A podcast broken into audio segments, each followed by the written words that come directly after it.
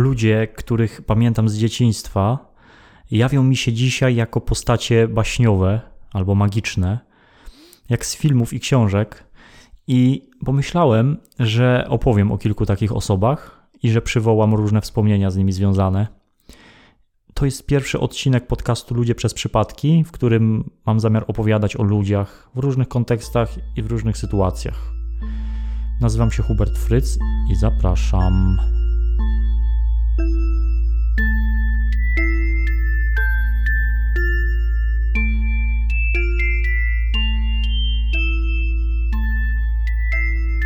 Wychowywałem się na wsi, na odludziu, właściwie w lesie, to znaczy w domu, ale w lesie. I kiedy już spotykałem ludzi, kiedy szło się do sklepu albo ktoś odwiedzał rodziców, to te spotkania miały dla mnie dużą wagę i, i szczególne znaczenie.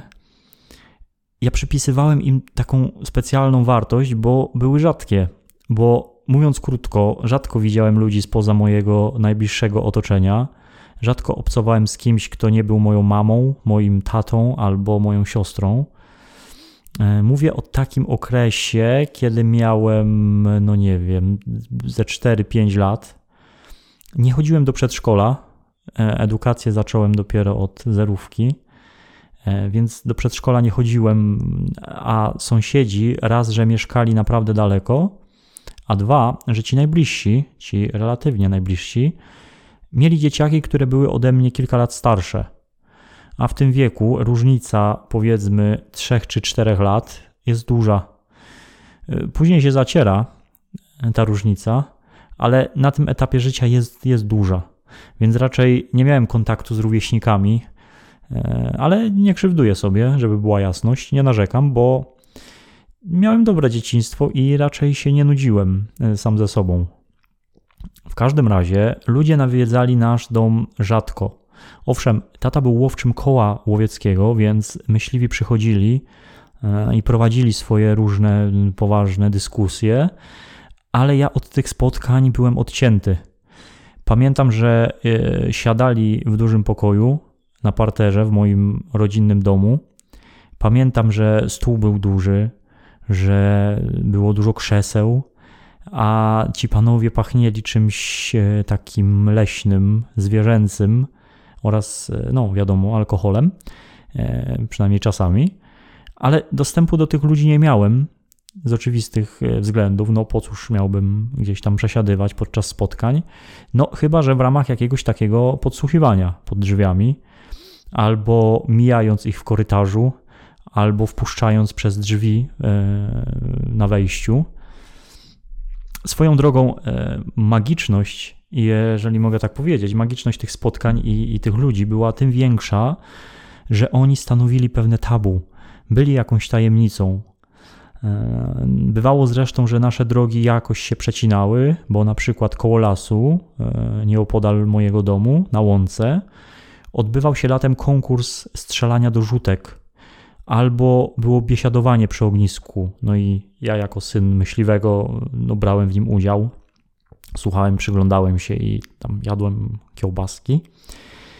I ci myśliwi, pamiętam, nosili na przykład czapki z piórkami. Każdy miał strzelbę albo sztucer. I zazwyczaj, pamiętam, byli w dobrym humorze, e, no bo byli lekko podpici i, i z dala od żon i teściowych. Ale to tyle o znajomych moich taty. Mm, tata miał bardzo hermetyczne grono znajomych. Nie miał przyjaciół czy kumpli, którzy nie byliby myśliwymi. Przynajmniej ja takich nie pamiętam. E, mama, e, moja mama w ogóle nie miała przyjaciółek i koleżanek. E, z jednej strony była i jest osobą ciepłą i otwartą, ludzie ją lubią, a z drugiej posiadanie jakichś znajomych uważała za niepotrzebny nadmiar jakby miała się rozpuścić wśród ludzi, zniknąć jakoś. Jakby się bała, że no, zniknie właśnie w tłumie, nawet takim małym tłumie, który mógłbym nazwać gronem właściwie. Dlatego mamę rzadko ktoś odwiedzał. E, jeszcze rzadziej mama składała rewizyty, e, a ja razem z nią. To bardzo rzadko się zdarzało, jeśli, jeśli w ogóle. Moja siostra natomiast jest ode mnie starsza o 14 lat a że do liceum uczęszczała do oddalonego o jakieś 30 km od naszej wsi Oświęcimia, to siłą rzeczy jej znajomi w domu pojawiali się bardzo rzadko. Wyjątkiem była Aneta, e, w której jako czterolatek podkochiwałem się skrycie, a która przypominała mi jakąś piosenkarkę albo modelkę z telewizyjnego teledysku. E, tak to zapamiętałem przynajmniej, być może było inaczej, e, ale dzisiaj jak o tym myślę, to zdecydowanie chodziło o teledysk i o mm, podobieństwo tej pani z telewizora do Anety. E, co właściwie dzisiaj jest bez znaczenia, bo, bo Aneta ma obecnie ze 45 lat nie mam pojęcia, czym się zajmuje, e, kim jest, gdzie mieszka. Na moje potrzeby wystarczy, że gdzieś tam w mojej pamięci zamieszkała i, i przy okazji takich okoliczności, jak tam mogę sobie o niej pomyśleć z jakimś sentymentem. Więc ludzie w moim dzieciństwie byli raczej rzadkimi gośćmi. Zresztą, zresztą rodzinę bliższą i dalszą miałem mało liczną, stąd nawet wujkowie i ciotki pojawiali się w domu rzadko. A w związku z tym nie miałem też okazji bawić się na przykład z kuzynostwem w moim wieku. No i pewnie dlatego każdy napotkany człowiek był dla mnie przeżyciem. I to jest jeden aspekt tej sprawy, ten osobisty, tak bym go nazwał. Drugi zaś jest taki, że uważam, że w małych społecznościach wiejskich było i tak zapewne dalej jest wiele takich ludzi, którzy obrośli legendami, którzy byli odmieńcami i dziwakami e, w dobrym albo złym tego słowa znaczeniu. E, ja później skupię się na tych dobrych przykładach. Może się mylę, ale mam wrażenie, że duże miasto, choć pełne ludzi osobliwych, zachowujących się dziwacznie, ubranych dziwacznie, e, nie wiem, mówiących do siebie na głos, zaczepiających przechodniów i tak dalej, że ci miejscy ekscentrycy jakoś giną e, w tłumie. Wyróżniają się, owszem, ale kto ich zna? No, nikt nie poświęci im więcej czasu. Mija się takiego pana i, i cześć, do widzenia. To w mieście. E, a na wsi wieś nie ma takiej mocy, żeby zakryć sobą tych dziwaków, żeby ich zmieszać z tłumem. Wręcz przeciwnie, wieś ich jakoś wyciąga i eksponuje. E, w mieście nikogo nie obchodzi dziwnie wyglądający odmieniec, a na wsi zazwyczaj e, każdy takiego zna. Każdy wie, gdzie mieszka, którędy chodzi, jak ma na imię, kto jest jego ojcem, kto był jego matką e, i tak dalej. Zna się sprawki na przykład takiego mm, jego mościa. W mieście mało kto pewnie, nie? Dlatego niektórych ludzi z mojej rodzinnej wsi pamiętam tak dobrze – po pierwsze, dlatego, że istotnie byli charakterystyczni, jakoś się tam wyróżniali, a po drugie, mm, dlatego, że moja ekspozycja na ludzi była rzadka. Więc, więc no, przywiązywałem wagę do spotkań na takiej zasadzie, że jak coś w życiu przydarza nam się rzadko, no to jest ważniejsze, bo rzadkie, a co rzadkie jest y, ważne. No i przechodząc już do sedna, kogo ja y, takiego niezwykłego pamiętam? No, za lasem na przykład, e, za lasem patrząc od strony mojego domu, mieszkał e, pan z brodą, znajomy moich rodziców, bo przecież na wsi wszyscy się znali. Nie trzeba było się odwiedzać i spędzać wspólnie czasu, żeby się znać z imienia i z nazwiska e, i żeby odwiedzać te same miejsca jak sklepik, czy poczta, czy kościół. Pan z brodą był gruby i niski i wyglądał dosłownie jak krasnolud. Brodę miał czarną, brzuch jak piłkę, E, pamiętam, że chodził po ulicach wolno i bujał się na boki. Wtedy mógł mieć, bo ja wiem, 35-40 lat, czyli dla mnie był starcem. I bałem się go. Bałem się jego brody i jego niskiego głosu, a on, przysięgam, karmił się moim strachem. E, pamiętam taką sytuację, e, kiedy siedziałem z mamą w poczekalni w ośrodku zdrowia w sąsiedniej wsi. Ludzie w kolejce dużo, to jak zawsze nudziłem się i przeglądałem poważne gazety, które leżały na stoliku, i wtedy przyszedł on, sapiący i bujający się na boki, e, zarośnięty, kudłaty, niski, ale wówczas w jakiś sposób wielki, jakby ta broda dodawała mu centymetrów.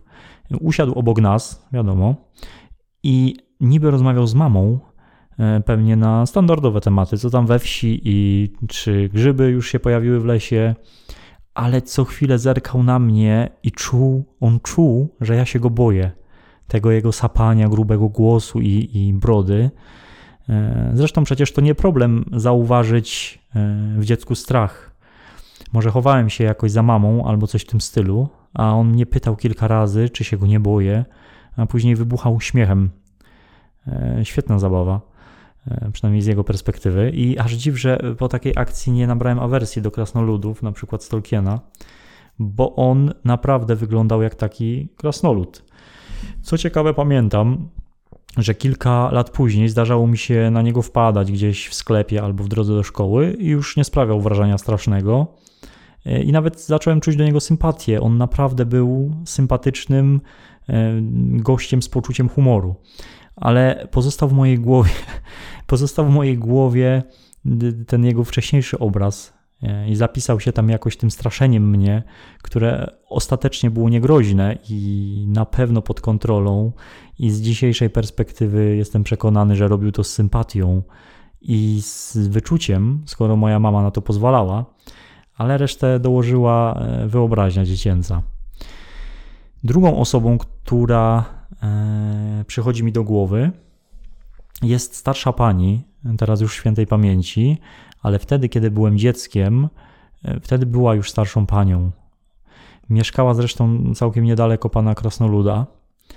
E, miała zabawne przezwisko, ale no, uznaję, że nie wypada mi przywoływać pseudonimów czy nazwisk, bo może ktoś by sobie tego nie życzył, na przykład e, czułby się urażony i tak dalej, albo najbliżsi tego kogoś by sobie nie życzyli. Ale ta starsza pani, którą teraz wspominam, była bardzo oryginalna. Była kimś pomiędzy e, dewotką a czarownicą.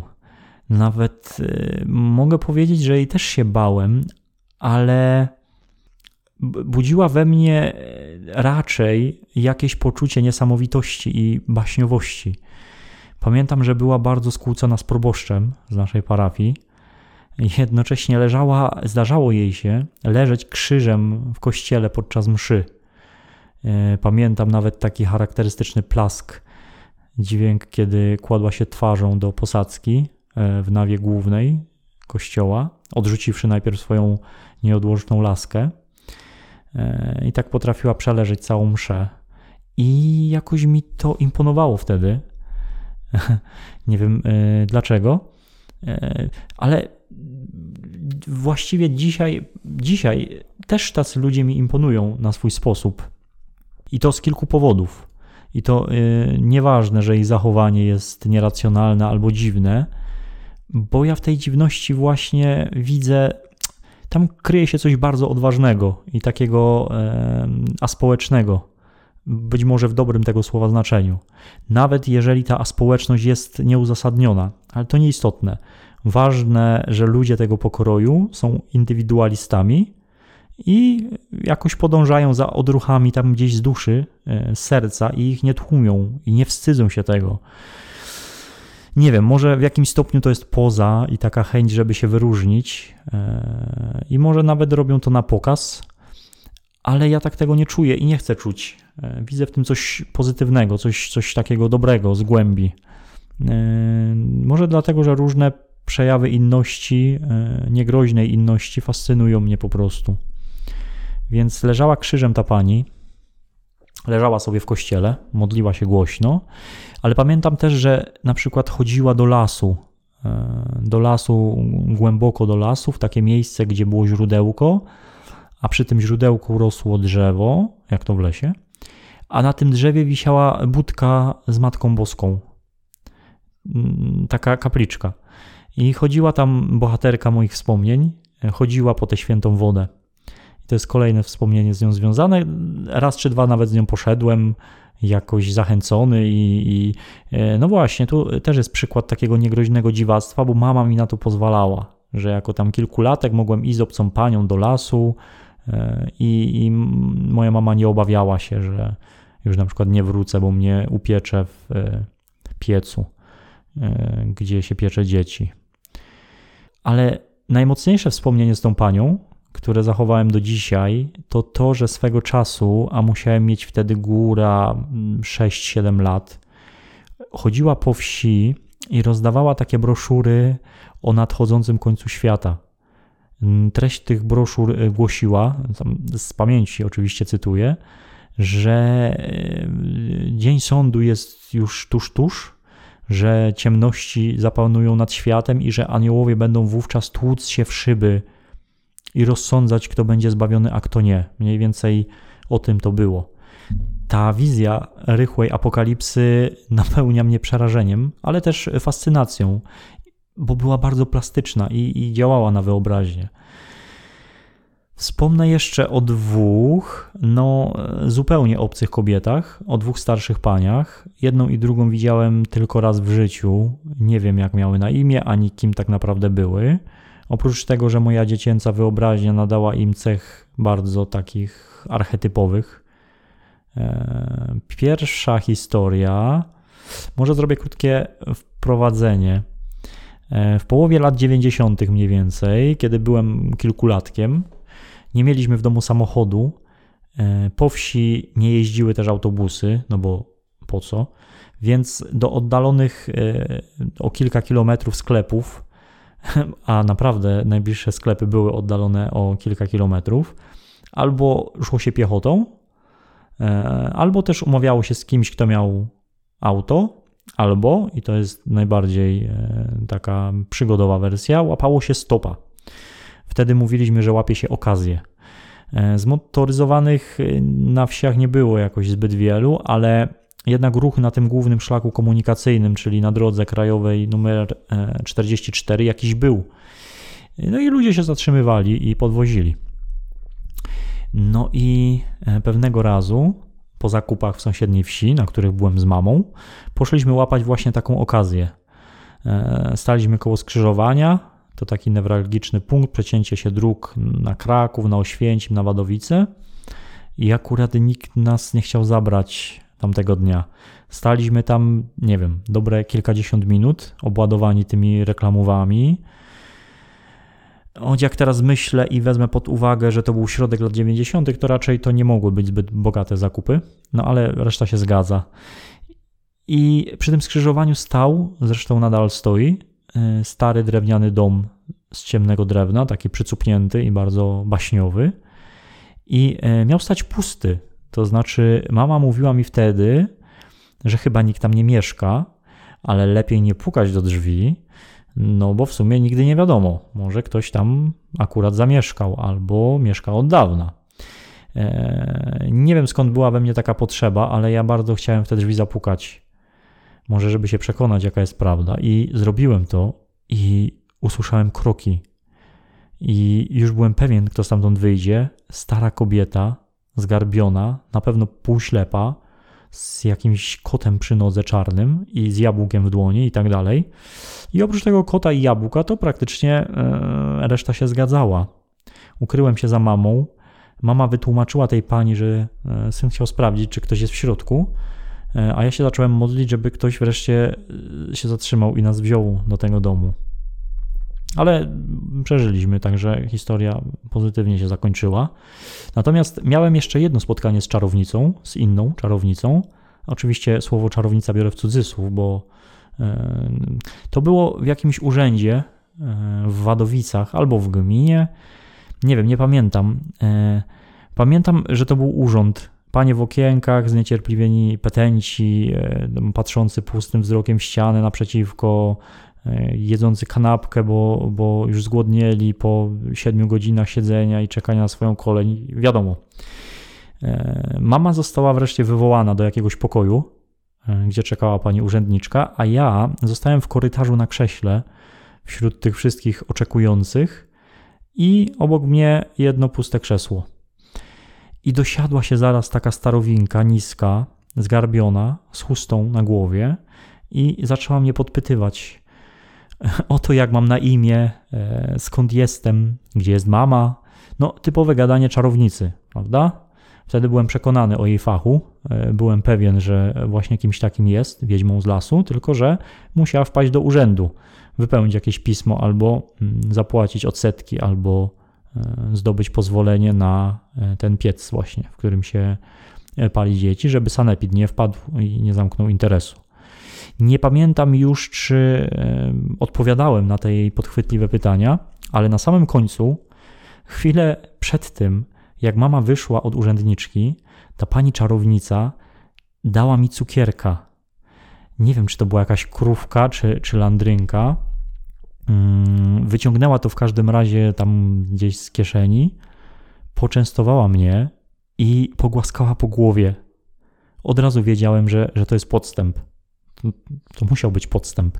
Za trudy cukierek wyrzuciłem do kosza po wyjściu z urzędu, więc nawet nie chciałem o tym mówić mamie, tylko zachowałem się odpowiedzialnie, jak każde dziecko wychowane na baśniach. E, I tak, no, zapełniali ten mój dziecięcy świat dziwacy i odmieńcy, a tak naprawdę po prostu niezwykli ludzie, jakoś wyłamujący się ze schematów, albo wręcz odwrotnie, e, zupełnie normalni, ale tak postrzegani przez dziecko. Był krasnolud, który lubił mnie straszyć, była mm, pani, która plackiem leżała w kościele i chodziła do świętego źródełka w środku lasu, była pani w urzędzie, która częstowała mnie cukierkiem oraz e, starowinka z drewnianego opuszczonego domu. Dziś nie potrafię już ocenić, czy naprawdę byli aż tak dziwaczni i ekscentryczni, ale to właściwie bez znaczenia. Mieszkają sobie w mojej głowie wspomnienia o tych ludziach i cieszę się z tego. Nie jestem psychologiem, ale czasami myślę, że to dziecięce spojrzenie na dorosłych i, i w ogóle na świat, że to jest bardziej e, trzeźwe, że jest bliższe rzeczywistości, że jest jakoś pozbawione uprzedzeń i kalkulacji, że ta dziecięca ciekawość e, pozwala lepiej wnikać w świat może czasami z pominięciem logiki, e, z pominięciem takiego wnioskowania przyczynowo-skutkowego, ale jakoś lepiej. E, bo tak w ogóle to dzieci są mistykami. Albo inaczej, spojrzenie mistyków na świat, choćby tych średniowiecznych, jak Eckhart albo, albo święty Franciszek, czy no wielu, wielu tam ich było, że ich wgląd w rzeczywistość miał coś ze spojrzenia dziecka. A wiem to, bo sam byłem dzieckiem i jakoś potrafię dzisiaj odtworzyć w głowie to dziecięce spojrzenie. E, ono jest bardzo cenne. Mam takie głębokie przekonanie, że to dziecko należy zachować w sobie na zawsze, e, przenieść je jakby przez próg dorosłości i, i zaopiekować się nim w miarę możliwości, e, dbać o to i nawet w dorosłości żyć w pewnym stopniu oczywiście w świecie takich krasnoludów i czarownic, jakichś tam opuszczonych domów czy myśliwych w czapkach z piórkiem i tak dalej. Czego i Wam i sobie życzę. To jest podcast Ludzie przez przypadki. E, to był pierwszy odcinek. Zapraszam na fanpage, na Facebooka i na Instagrama. Zamieszczam tam różne treści. Jeżeli e, coś Was zainteresuje, to śmiało dzielcie się tym z innymi. Będę bardzo, bardzo wdzięczny i z góry dziękuję. E, dzięki też za poświęcony czas. Do usłyszenia i do przeczytania niebawem.